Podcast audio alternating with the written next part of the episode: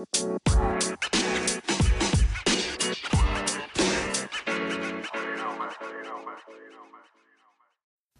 Assalamualaikum Sob. Minggu lalu tuh saya terinspirasi tentang metode pengembangan usaha gara-gara nonton sebuah video tentang pertumbuhan janin di rahim ibunya. Videonya sendiri pendek sih, cuman 9 menit lah. Tapi video ini benar-benar membawa saya tenggelam di dalam sebuah alam ajaib tentang kehidupan sebelum manusia lahir di dalam perut ibu. Mungkin karena penjelasannya itu sederhana, mudah dimengerti, tapi memang menancap sekali. Jadi eh, dalam proses biologis yang both romantic dan maha dahsyat, tiba-tiba saya tersadar ada beneran loh, ada proses pertumbuhan janin yang mirip-mirip dengan proses pertumbuhan yang sedang saya jalanin sekarang, yaitu proses menumbuhkan sebuah bisnis. Saya juga baru tahu setelah nonton video itu bahwa uh, untuk menumbuhkan manusia baru di perut ibu ada beberapa tahap penting yang harus dilalui. Satu persatuan gen kedua orang tuanya, lalu terbentuknya wujud awalnya manusia, bentuk-bentuknya tuh. Lalu terbentuknya organ-organ utama nih, jantung, sistem peredaran darah, otak, tulang belakang. Baru dilanjut sama penyempurnaan sistem syaraf, sistem pencernaan sama organ-organ yang lain-lainnya. Dari situ ketika ini udah sempurna nih, sudah mau sempurna deh lebih tepatnya, baru muncul kemampuan mendengar, melihat dan merasakan yang di follow dengan munculnya kemampuan mengingat sama bermimpi, berimajinasi itu di belakang. Setelah ini bagus nih. Proses ini adalah proses yang dirancang alami sebenarnya oleh yang Maha Pencipta dan menjadi kerangka baku persiapan organisme baru manusia. Makanya wajar kalau organisasi bisnis yang dijalankan oleh manusia, organisme juga, itu memiliki proses-proses persiapan yang mirip.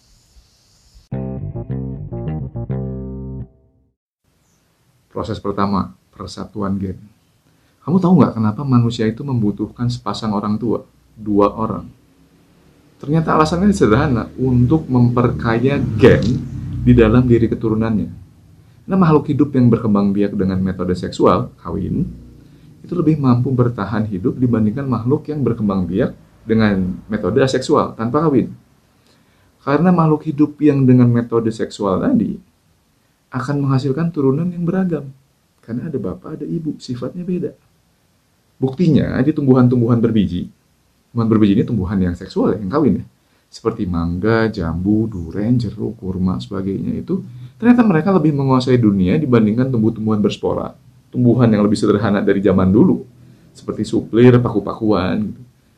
Kenapa? Karena turunannya itu lebih mampu hidup di dalam kondisi alam yang berbeda-beda. Dalam waktu yang berbeda-beda. Kan alam ini berubah-ubah kan. Gitu kan. Jadi kemampuan adaptasi itu penting. Begitupun di bisnis. Di bisnis pun orang-orang yang punya sifat dan background yang berbeda di awal sangatlah penting agar usaha kita ini mampu survive dan adaptasi terhadap perubahan-perubahan kondisi di dalam bisnis. Mampu iteratif.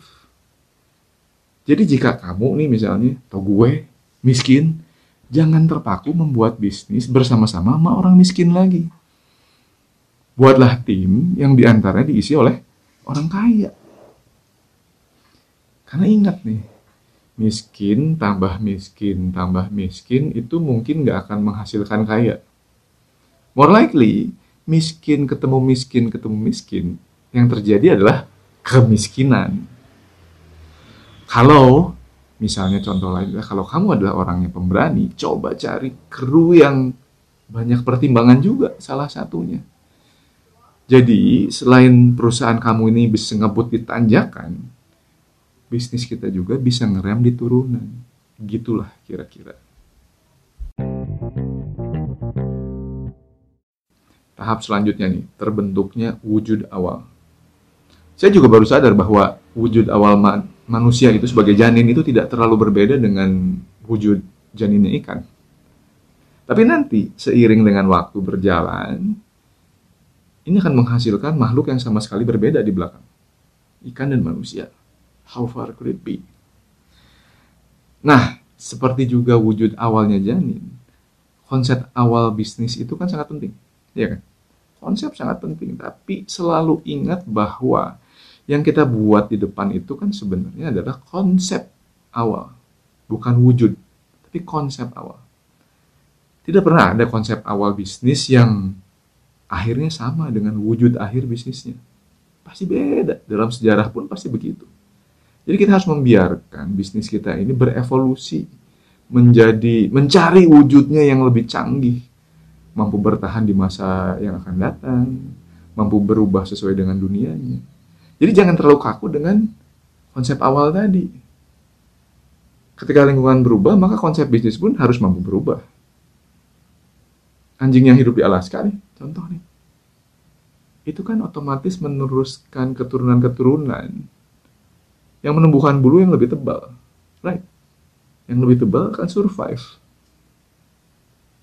Para pembuat konsep di awal nih, founders, orang R&D, orang merchandising mungkin, ini harus mengerti sekali konsep ini bahwa konsep produk awal yang mereka buat ini tidak lebih hanya konsep, konsep awal jadi sepanjang perjalanannya mereka harus terus mampu berinovasi dan mampu bekerja sama dengan generasi selanjutnya untuk menyesuaikan produk untuk konsumen dan lingkungan yang terus berubah. Perubahan yang mungkin nggak pernah kita forsi di masa kita uh, foundingnya gitu. Jadi ingat orang-orang pengembangan produk ini kan adalah orang-orang bisa dibilang leluhur dari orang-orang marketing dan penjualan.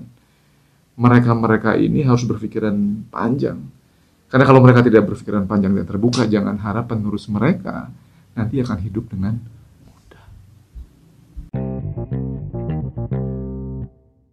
Fase ketiga, terbentuknya jantung, sistem peredaran darah, otak, dan tulang belakang.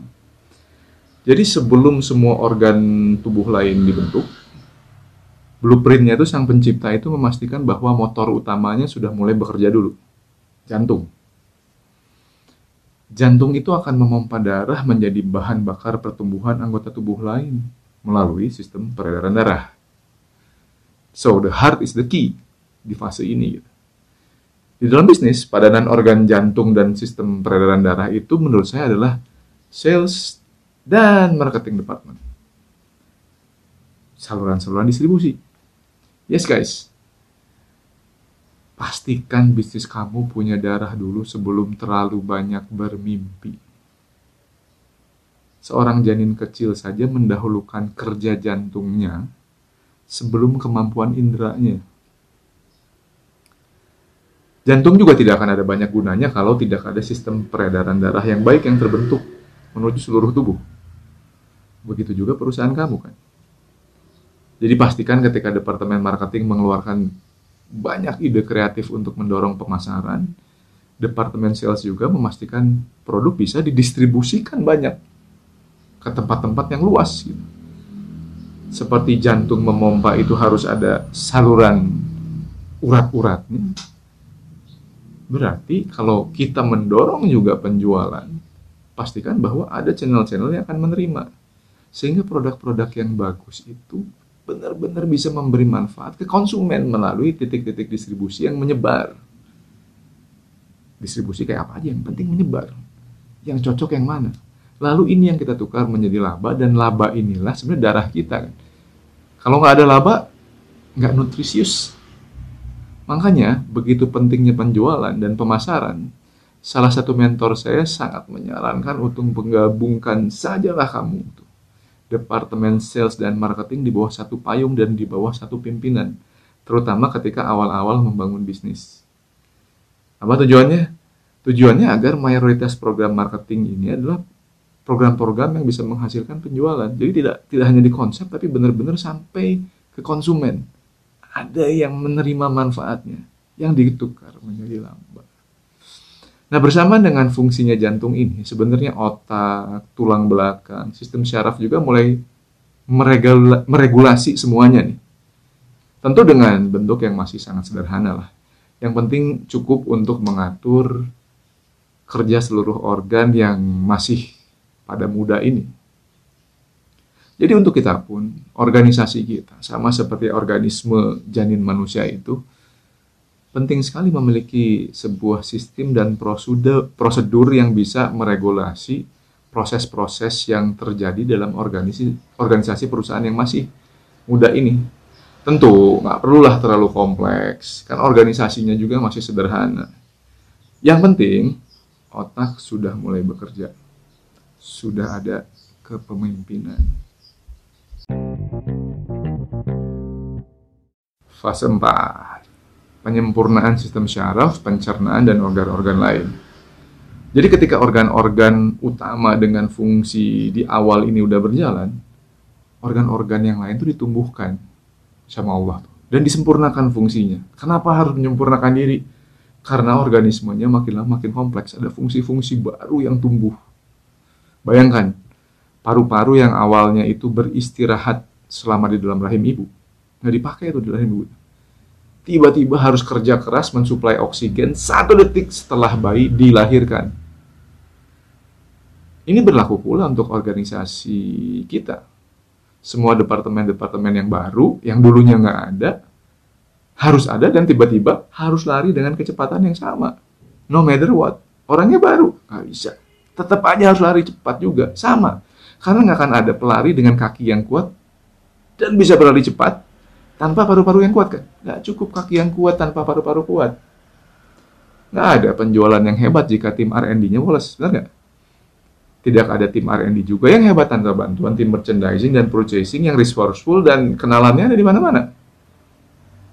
Dan nggak mungkin juga organisasi ini beres kalau nggak ada HRD sama finance yang juga even more resourceful gitu. Bagi sebuah organisasi, semua organ itu penting sama-sama harus cepat, sama-sama harus kuat.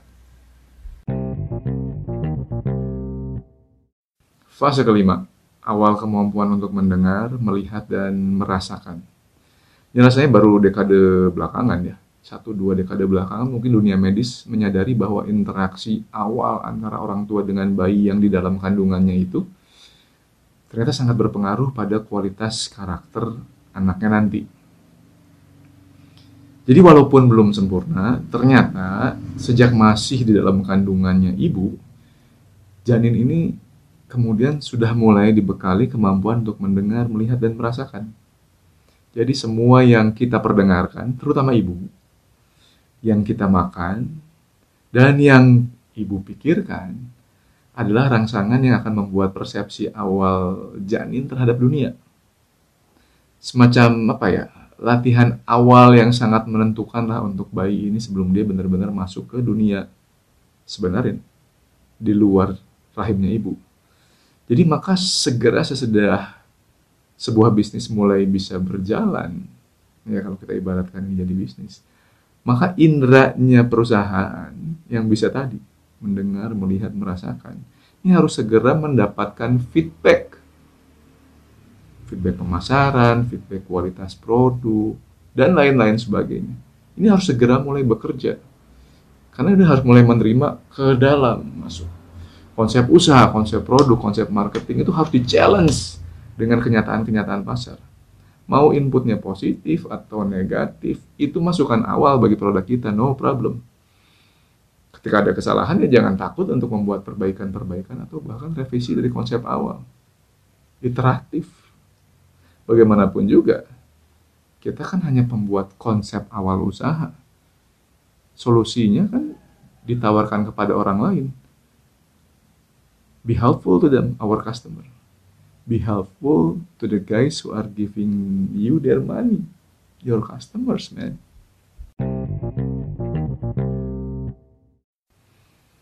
Terakhir nih, munculnya kemampuan untuk mengingat dan bermimpi.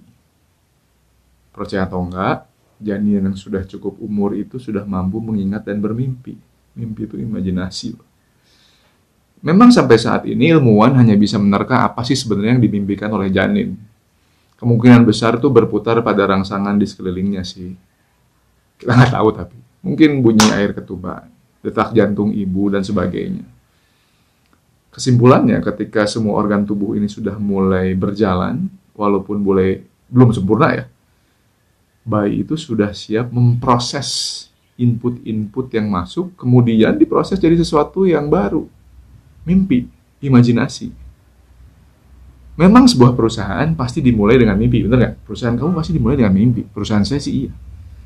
Tapi rupanya akan datang tahap yang lebih pas untuk bermimpi lebih besar, yaitu ketika sistem-sistem dasar perusahaan tersebut sudah diajak, eh, sudah siap untuk diajak bermimpi.